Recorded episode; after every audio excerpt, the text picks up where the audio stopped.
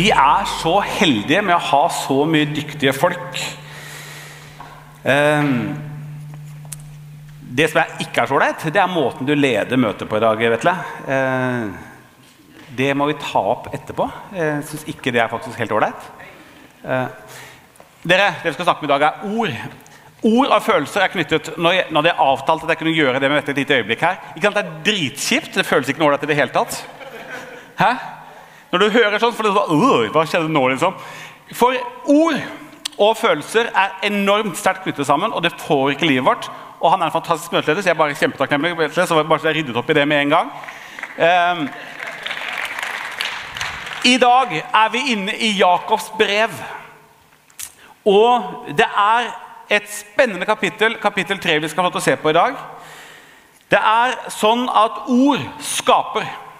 Ord, det vi sier, skaper mer enn det vi ofte tenker og tror. Og Bare ved å si de få setningene jeg gjorde i stad, som er sårende og vondt, det gjør noe med oss. Selv jeg som vet at det er bare tull, syns det er ubehagelig å si det. Og det er for oss kjempeviktig å være våkne for at det at vi har sjanse til å si ord, det skal vi tenke kjempestort om, for vi kan være med å forandre verden. Vår verden, vår kontekst, vårt nabolag, vår klasse, vårt arbeidsplass, vår familie med de ordene vi skaper, på godt og vondt. Nå tok jeg da litt negative ord til å begynne med, men et par eksempler. En dag så går Jesus inn i en by. Og Der er det en mann som er en toller. Han heter Sakkeus. Han er ikke likt av noen. Han ble sett på som en overløper, en som var en forræder, en som hadde liksom gått i senga sammen med romerne. Og han var hatet og foraktet av alle de andre. Det visste Sakkeus veldig godt.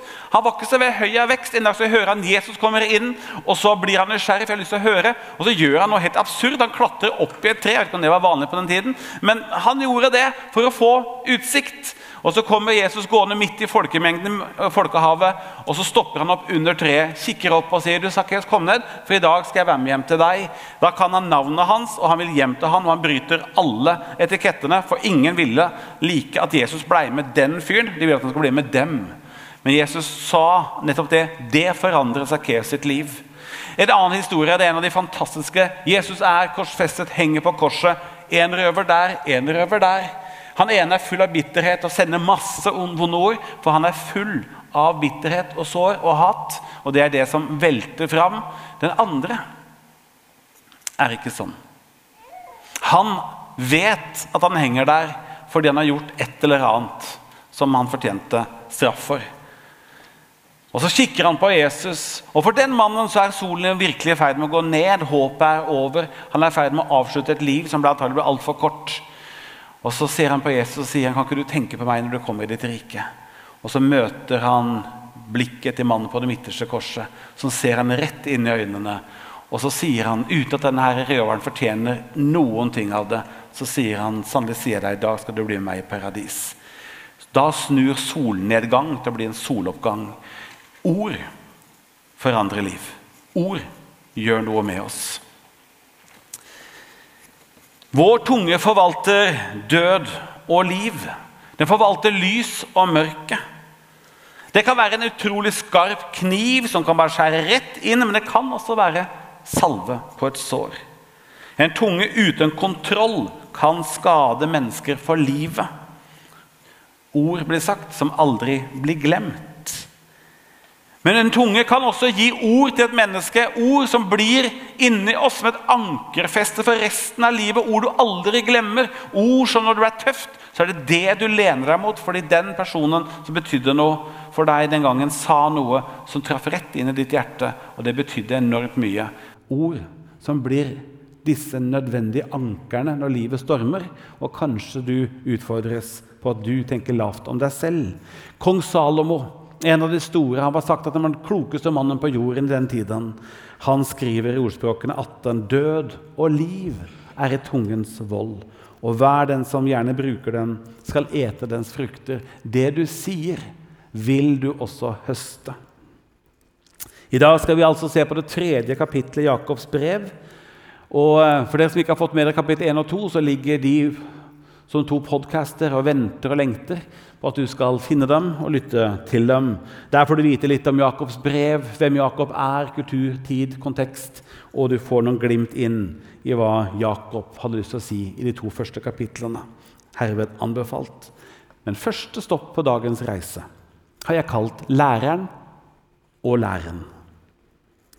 Det første verset i kapittel 3 lyder sånn.: Ikke så mange av dere bør bli lærere. Ikke, altså er det noen fra lærerskolen eller noen som har akkurat begynt nyutdannet lærer, ikke ta det her veldig personlig.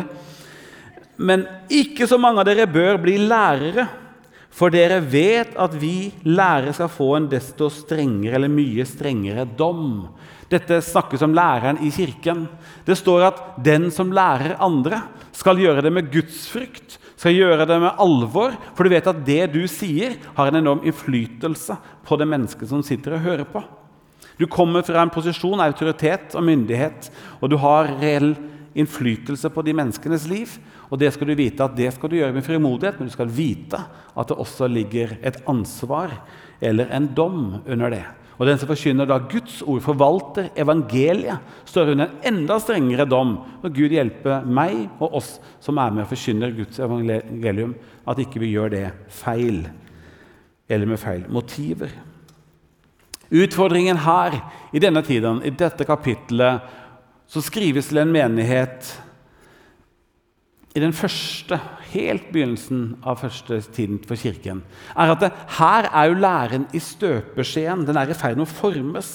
Og De fleste i den første kirken de kom med en jødisk opprinnelse inn. Og Moseloven og alle budene og reglene det hadde disse fått flasket inn helt fra de var små, og det lå i ryggmargen. Så når de nå ble, kom til tro på Jesus, det første de gjør, det er å få denne her kristne troen og kirken til å begynne å ligne på jødedommen, for det var naturlig for dem. Og Det ble en kjempeutfordring for den første kirken, den unge første kirken. I Apostelens gjerninger 12 så står det det kom noen ned fra Judea og begynte å undervise brødrene. Hvis dere ikke følger denne skikken vi har fra Moses, og lar dere omskjære, kan dere ikke bli frelst. Dette førte til konflikt og et heftig ordskifte mellom dem og Paulus og Barnabas. Da besluttet de at Paulus og Barnabas og noen av de andre skulle reise opp til Jerusalem og legge stridsspørsmålet fram for apostlene og de eldste. Det sier noe om tension og spenning. Det sier noe om at det var noen lærerutfordringer. Disse lærerutfordringene var både av lærermessig karakter, men det handlet også om selve læreren. For en del av lærerne de kom inn med helt feil motiver og gjorde dette med egoistiske motiver og forvalter dermed rollen og oppgaven feil. Bakteppet i denne tiden, når denne her skrives, det er at læreren i den kulturen og i det fellesskapet hadde en enorm autoritet og enorm innflytelse. Læreren hadde nå overtatt etter den jødiske rabbien læreren og kunne med sin lære og sine ord i stor grad påvirke og lede kirkefellesskapet i den retning han selv ville. Og dette var ekstremt sårbart. Men den kristne kirken er av Gud ikke ment å være ledet eller inneha en blind tro. Derfor finner vi i Det nye testamentet mange ord som understreker noe som er kjempeviktig. I Hebreerbrevet 8 så står det Se, dager skal komme, sier Herren. Da skal jeg opprette en ny pakt med Israels hus og Judas hus. Denne pakten vil jeg slutte med, som jeg vil slutte med Israels hus i de dager som kommer. Da skal det være sånn at jeg legger mine bud inn i deres sinn. Jeg legger mine bud inn i deres sinn.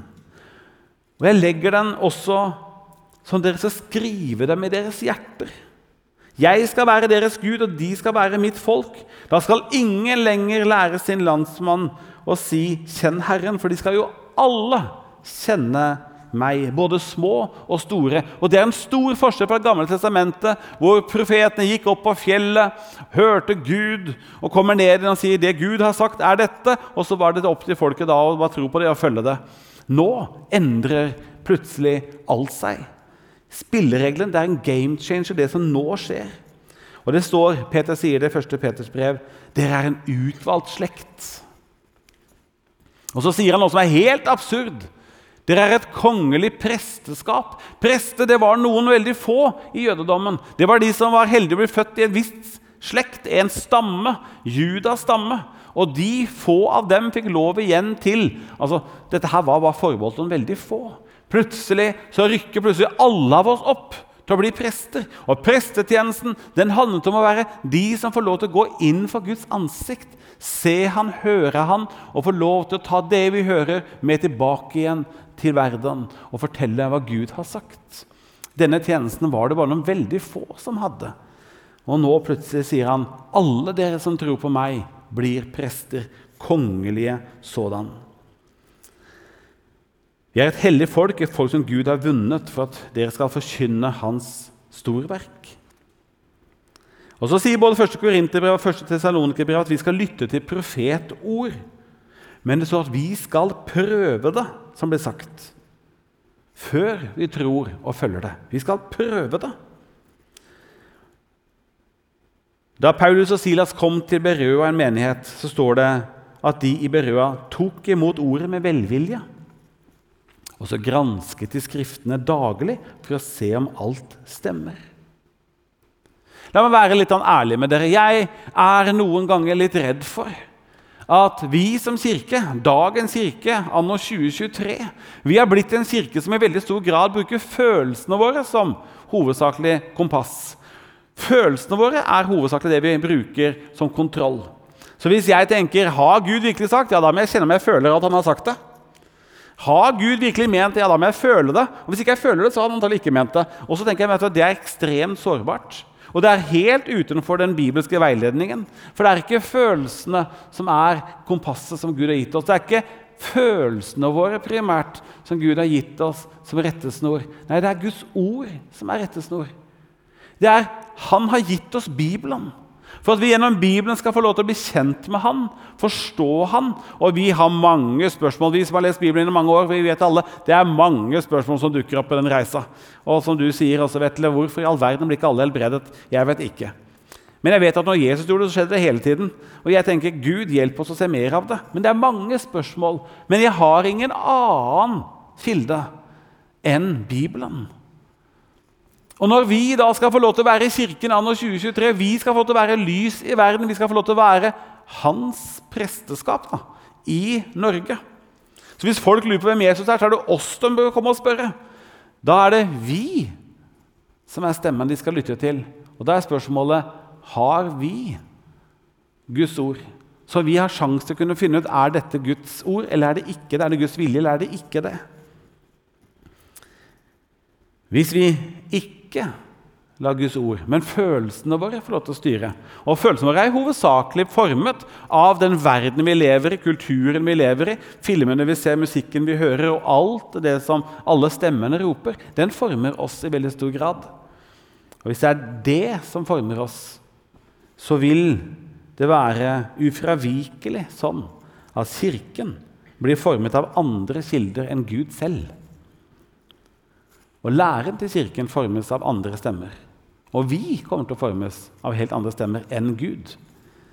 Den kirken er på et eller annet tidspunkt ikke lenger Guds kirke. Den er et eller annet annet. Det sier jo noe om hvor sårbart det er hvis bibelkunnskapen faller og blir liten.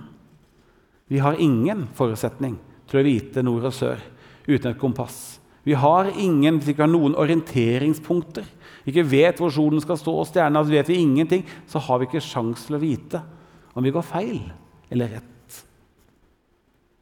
Jeg syns det er et enormt vågemot av Gud selv å gi oss dette ansvaret. At det er vi som skal faktisk teste om dette er sant eller ikke. Altså jeg tenker, Gud, her, altså Hvor lenge tenkte du før du bestemte dette? Men han har bestemt det sånn, for han sier, 'Dere er jo mine barn'. Jeg inviterer dere inn på mitt liv, inn på mitt hjerte. Så mitt hjerte skal få lov til å fylles inn i ditt hjerte. Og vi skal få lov til å være én ånd, én tanke, ett hjerte sammen. Vi skal tale med samme stemme. Det er Guds ønske. Det er det som er invitasjonen han har til oss. Kom til meg. Hør på meg. Bli kjent med meg. Du er min, og jeg har elsket deg med en evig, ustoppelig kjærlighet. Og så er spørsmålet i hvilken grad eller i hvilken forfatning er du og jeg til å kunne forstå hva som er Guds ord, og det som ikke er det. Når jeg satt og forberedte meg, så synes jeg liksom, når jeg satt der, jeg ble opplevd at Gud utfordra meg, så jeg skrev i mine notater i dag er det vekkelsestoner i Fidelfa-kirken. Eh, og så satt jeg og leste et bibelsted som grep meg litt. Og det er fra Efeserbrevet. Derfor bøyer jeg mine knær for Far. Han som har gitt sitt navn til alt som kalles Far i himmel og på jord. Må Han som er så rik på herlighet. Gi deres indre kraft og styrke ved sin ånd. Må Kristus bo ved troen i deres hjerter, så dere rotfestet og grunnfestet kan stå i kjærlighet. Må dere sammen med alle de hellige bli i stand til å fatte bredden Lengden, høyden og dybden. Jeg kjenner Kristi kjærlighet, som overgår all kunnskap. Må dere bli fylt av hele Guds fylde. Han som virker i oss. Ikke rundt oss, bortenfor oss, langt fra oss, men i oss. Det er ikke sikkert det er det du føler, men det er det Gud har ønsket. Og alle dere som har tatt det imot, har Den hellige ånd. Spørsmålet er bare hvilken rom Den hellige ånd har fått hos deg. Og alle vi som har kommet til tro, har Guds ord i oss. Det er ikke sikkert det er mye eller, jeg vet ikke om det er mye eller lite, men det er noe. Og hvert ord som er sagt av Gud, har kraft til å forandre verden. Og det vender aldri tomt tilbake, står det. Men det utretter det det er sendt for å gjøre, hvis vi gir det rom. Han som virker i oss med kraft og kan gjøre uendelig mye mer enn det vi ber om og forstår. Han være ære i Kirken og Kristus Jesus gjennom alle slekter og evigheter. Og Så sier han i Efeserbrevet, må han gi deres lys i hjertets øyne, så dere får innsikt i det håp han har kalt dere til. Og hvor rik og herlig hans arv er for de hellige, og hvor overveldende stor hans kraft er hos oss som tror. Og så sier han i Kolosserevet, la Kristi ord få bo rikelig, eller få rikelig rom hos dere. Jakobs brev, kapittel 3, har to avsnitt. Det første handler om tungens makt, og det er vers 1-12. Og vers 13-18 det handler om sann eller falsk visdom. Jeg velger å begynne med avsnitt 2, altså vers 13-18. Og da er vi på andre stopp på dagens reise, og det er kampen om hjertet. Og hør hva det står. Er noen av dere vis og forstandig? Da må han vise det i gjerning. I et rett liv preget av den ydmykhet som visdommen gir. Men bær dere bitter misunnelse og sevdhevdelse i hjertet. Da må dere ikke skryte og lyve mot sannheten. Den slags visdom kommer ikke ovenfra, men fra er jordisk og sjelelig, ja, demonisk. For hvor misunnelse og sevdhevdelse rår, der er det uorden og alt som er ondt. Men visdommen ovenfra er først og fremst ren.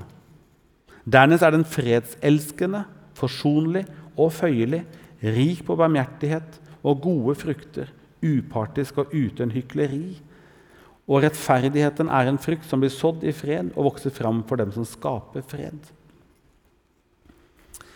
Jeg har lyst til å etablere først et faktum ut fra Jakobs brev. så er det en genuin visdom som er Guds. Den kommer ovenifra, altså fra Gud selv.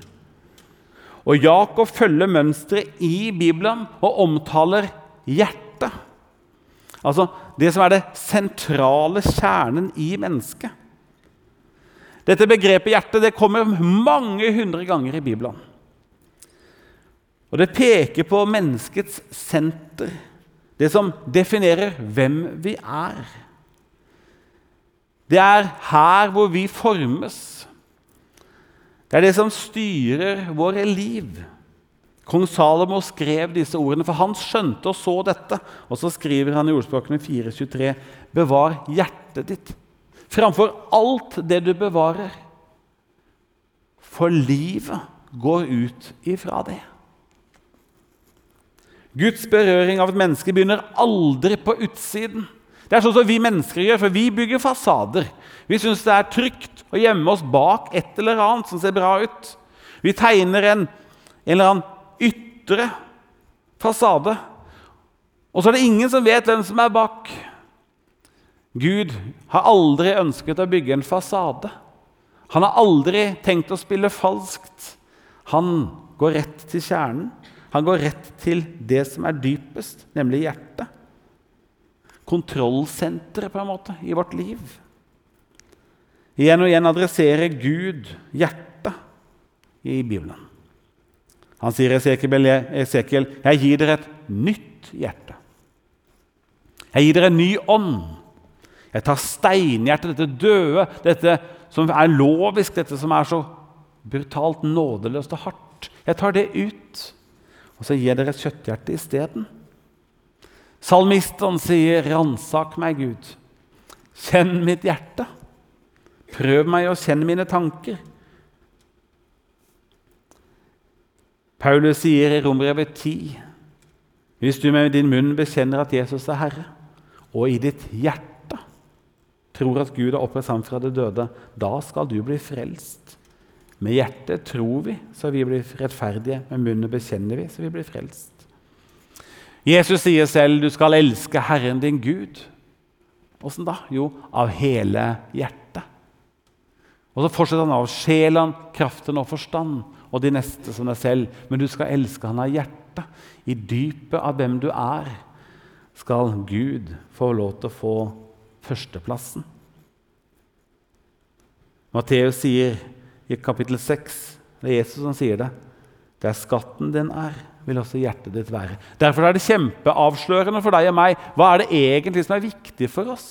Hva er det som er verdifullt? For det som er verdifullt, det vil vi åpne hjertet for. Vi vil rette fokuset av hjertet vårt. Vi vil la det få lov til å påvirke hjertet vårt. Det som er viktig.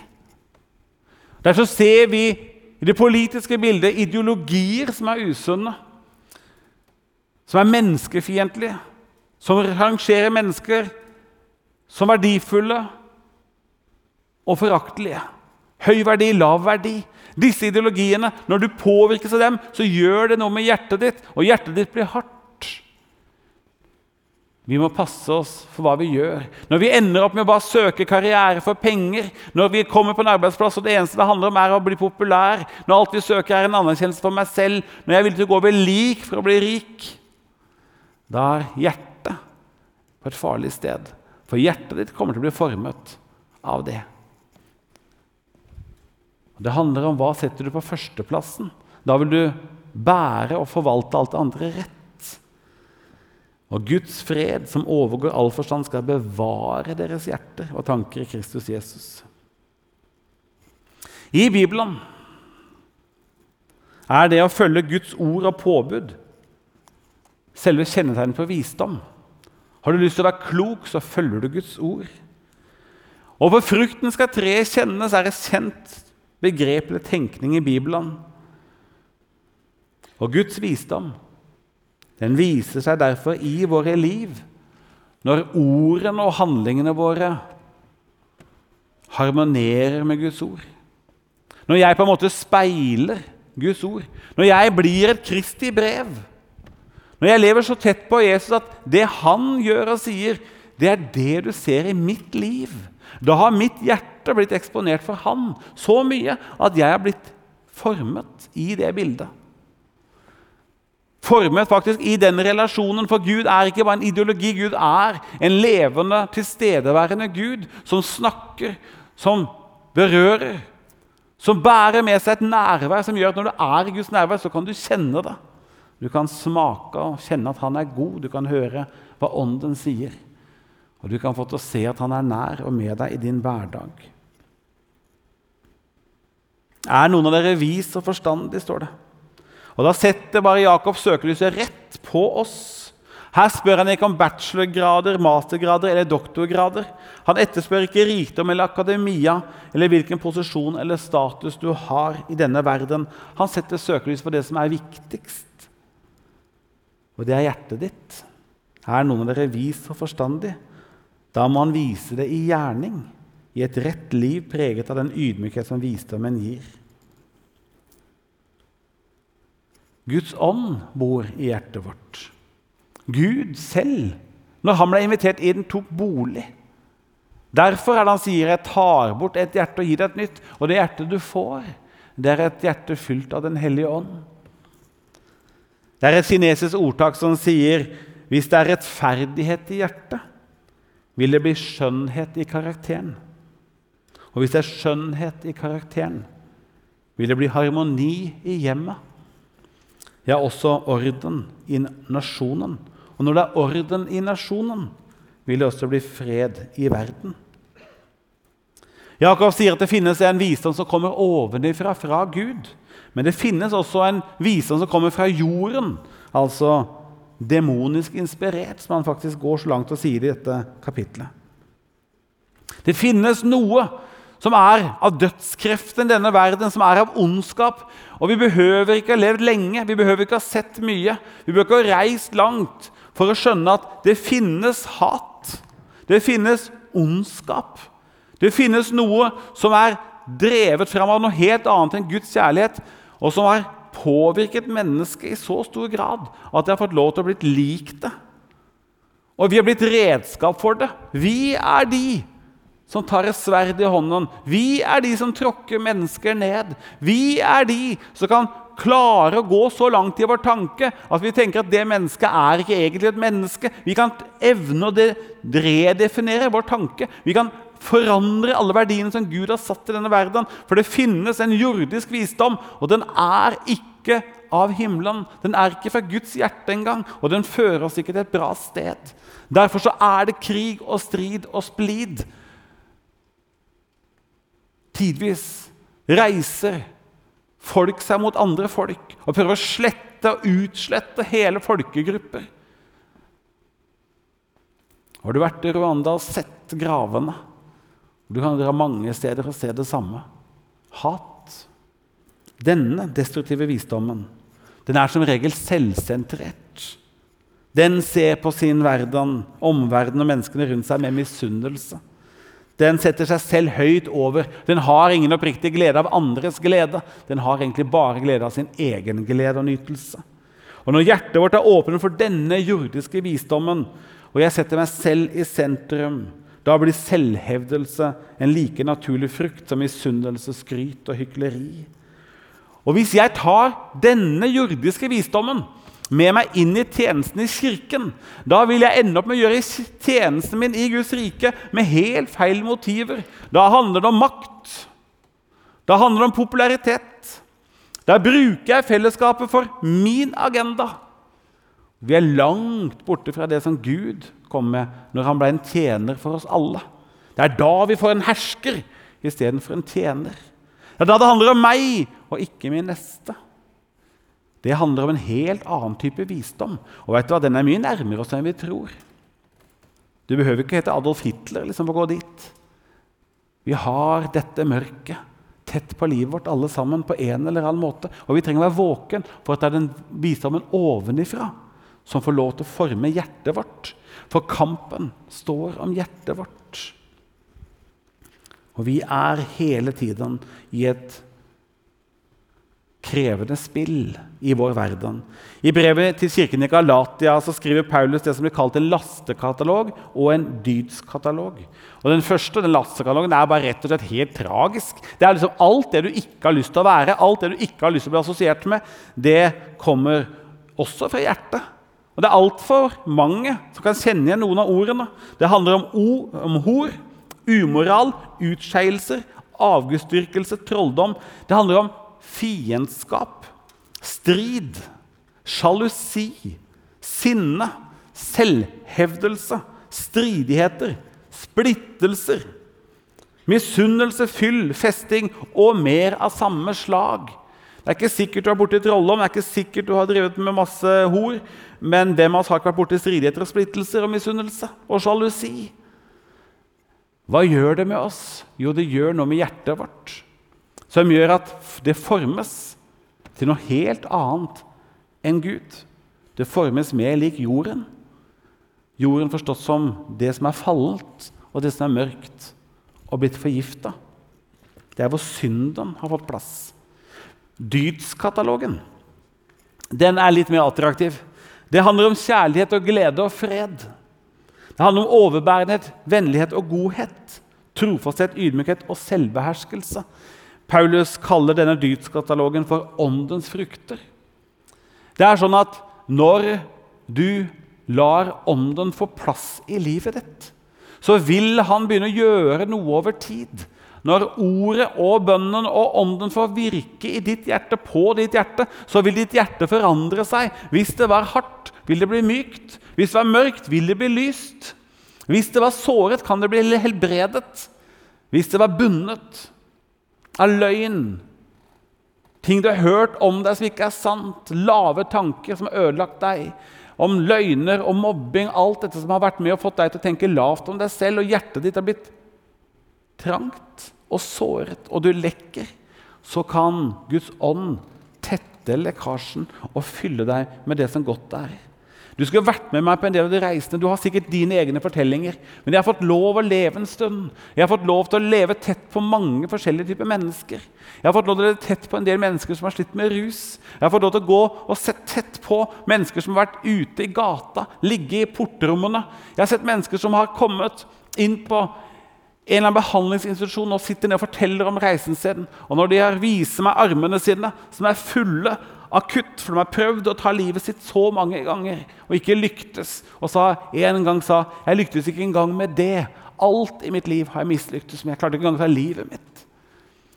Så møter de Gud, og så lar de Guds ånd komme. Og de har rota bort livet sitt, familien sin, og barna sine og kona si og jobben. Alt er borte. Alt er havarert. Og De har all grunn til å tenke det er ikke noe vits. Så kommer Gud og skaper en ny tid. Det sies at alle helgener har en fortid. Det betyr at alle de menneskene du syns virker så utrolig flinke og hellige, vet du, alle de har et eller annet i bagasjen som ikke er bra. For vi har alle sammen syndet og snublet. Men så står det alle syndere har en framtid. Alle vi som roter det til, kan med Guds hjelp reise oss og få lov til å omfavne en framtid. Dette er evangeliet. Dette er kristendom i praksis. Tilbake til Jakobs brev, kapittel 3. Det er en grunn til at Jesus så tydelig oppmuntrer oss til å oppsøke, prioritere ordet, bønnen og ånden. For når vi lar hjertet vårt over tid bli eksponert for disse, så vil hjertet vårt forandres.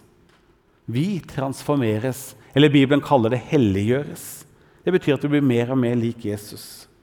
Og det her handler ikke om å prestere og ta seg sammen. Nei, det er en nådeprosess.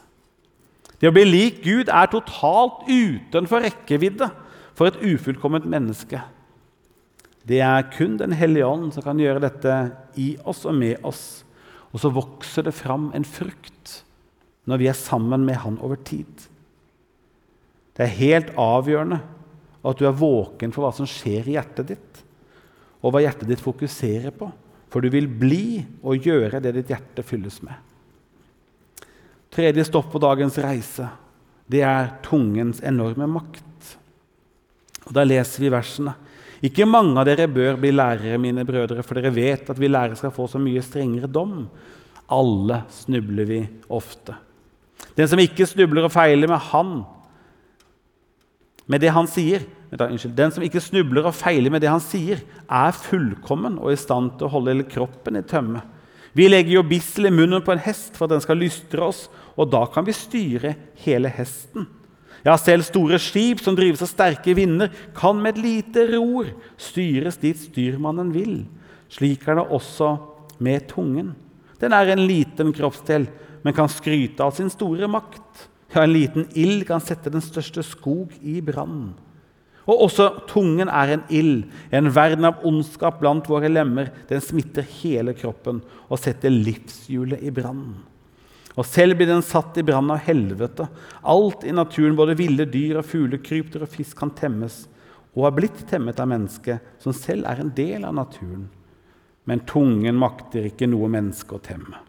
Skiftende ond er den, full av dødbringende gift. Med den lovpriser vi vår Herre og Far, og med den forbanner vi menneskene han har skapt i Guds bilde. Fra samme munn kommer både lovprisning og forbannelse. Slik må det ikke være, mine søsken. Strømmer det vel friskt og bittert vann fra samme kilde, mine søsken, kan vel et fikentre bære oliven, eller en vinstokk bære fiken? Like lite kan salt, en salt kilde, gi friskt vann. Altså, Jeg har lest dette her nå i flere uker. Det er utrolig, altså, det er jo ikke akkurat kjempejippi.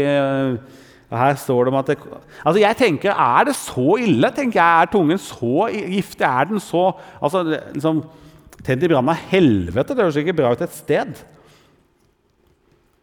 Og Jeg begynner i dag med å si noe helt feil og urettferdig mot Vetle, men du vet at det ord kan skape. Jeg har lyst til å si til meg og til deg det at vi undervurderer kraften i våre ord. Hvis vi sier 'Gud, ta min tunge', og la den få lov til å være et redskap for din fred, så kan vi hver dag si noe som er kommet fra hans hjerte. For igjen kampen står ikke om tungen, den står om hjertet. Og Hvis hjertet får lov til å bli fylt av Guds ånd, så vil tungen begynne å tale det. Hvis Gud får lov til å berøre hjertet mitt over tid, så vil jeg begynne å se at det er en spiretid. Og det som spirer, det er åndens frukter. Og når åndens frukter får lov til å begynne å bære frukt, så vil jeg begynne å si det og tale det. Hvis det er bitterhet som er i hjertet, så klarer jeg ikke å holde kjeft. Da vil jeg ende opp med å lekke. Og hvor mange av oss har vel ikke snakket om noen som ikke er til stede, på en måte vi ikke skulle gjort? Hvem av oss har vel ikke vært slitne eller vært provosert eller trøtt, og så sier vi noe vi aldri skulle ha sagt. Og så sier vi, 'Gud, hvorfor gjorde jeg dette?' Og så sier Gud, 'Det er fordi du snubler, for du er menneske'. Og så sier jeg til den jeg har sagt noe feil til, sier 'Unnskyld', og den sier du er tilgitt. Jeg har også tilgitt noen som har sagt ting til meg, men jeg har ikke glemt det ennå. det var jeg. Altså, Vi vil jo tilgi, for det er helt riktig og det er helt nødvendig. For da gjenoppbygges relasjonen. Men det er noen ganger disse ordene den treffer så godt at vi husker det jo for alltid. Spesielt når det går på karakter eller personlighet eller en side ved meg som jeg ikke er så glad i, og noen andre har sett det, den som kjenner meg best, kan treffe best òg. De er mest treffsikre. Og så sier de noe det treffer rett inn, og det treffer på et sårt sted. Men jeg kan også bruke tungen min til å tale liv. Jeg kan tale fred.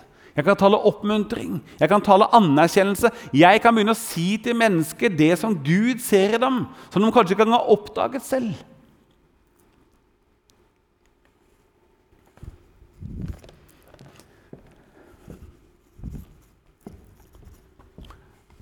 Nå kan du bare glemme manus. Jeg har så lyst til at du skal vite at det øyeblikket hvor Gud kommer tett på livet ditt, så kan du begynne å gå i takt med Gud. Og når du er sammen med Han ofte nok og lenge nok Hva heter du? Kristian. For Hvis vi to hadde hengt sammen lenge nok, Christian, så ville vi ha blitt smittet av hverandre. For sånn er relasjoner. Og dypere de går, jo mer. Og Noen ganger vil vi forandret og påvirket kognitivt, bevisst. Og mye av påvirkningen er jo faktisk ubevisst. Vi formes av den vi går sammen med. Sånn er det også med Gud. Og hvis vi gjør dette over tid, så vil hjertet vårt begynne å spire. Guds egne såkorn vil begynne å spire. Over tid så blir du bare mer og mer lik Jesus. Mer enn du noen ganger tenker på det selv. Derfor trenger vi å la hjertet vårt bli eksponert for Gud over tid. For jeg vet at der hvor du er, så er det mennesker som trenger ord som kan helbrede en del sår. Ord som taler sant om noe mennesker er bundet av. For sannheten til Gud binder ikke det setter mennesker fri. Og det er veldig mange mennesker som er bundet av løgnaktige tanker, sårende ord. Og de har vært bundet fra de var små, kanskje som en mobbeobjekt på skolen, og de har vært bundet hele livet. Dine ord kan være med å sette de fangene fri. For det er ikke bare ord, men det er ånd på toppen av det.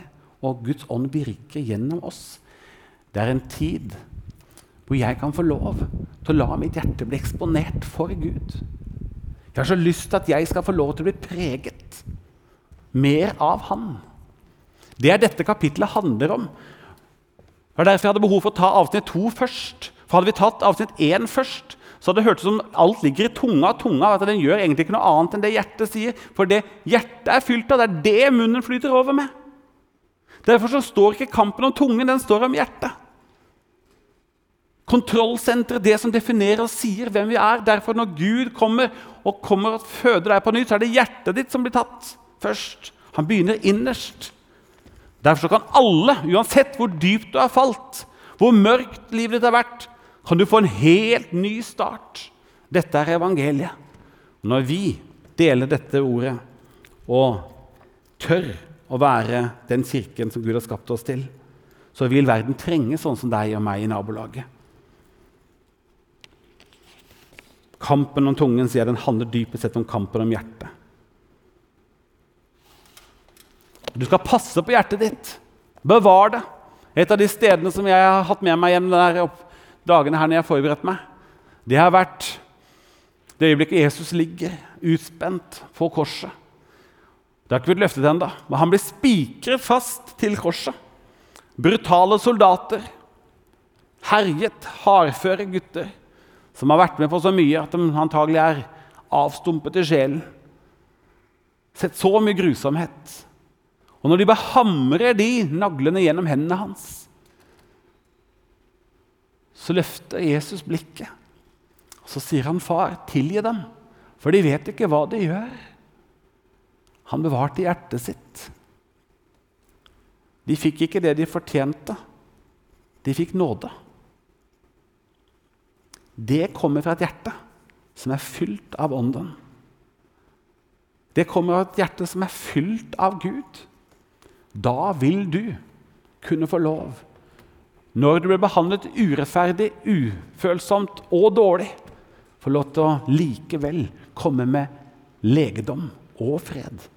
For vi kommer ikke med strid og splittelse. Vi kommer med fred og forsoning. For det er vårt hjerte. Det er ikke sikkert du har blitt behandlet sånn. Denne kvelden kan være en av de kveldene hvor du og jeg sier, 'Gud, jeg gir deg tungen min. Jeg gir deg hjertet mitt.' For jeg trenger at du tar plass i hjertet mitt. Kan lovsangerne komme opp? Jeg trenger at du tar plass i hjertet mitt. Jeg trenger at du rydder i hjertet mitt. Veldig mange av oss vi har gitt Gud plass. Men så har vi noen lukka rom vi tenker Gud, du kan få dette, men her må jeg ha litt privatsone. Det er det dårligste valget du gjør, for det er der du snubler. Denne kvelden kan være en kveld hvor vi åpner hjertet vårt, sier Gud, ta det. Og la det få påvirke min tunge, så jeg taler liv i min hverdag. Nå skal vi høre en sang og lytte til teksten. Du har nå hørt en podkast fra Filadelfia-kirken i Oslo. Vil du vite mer om oss, gå inn på filadelfia.no. Og ikke minst velkommen til å feire gudstjenester med oss hver eneste søndag, enten fysisk eller online.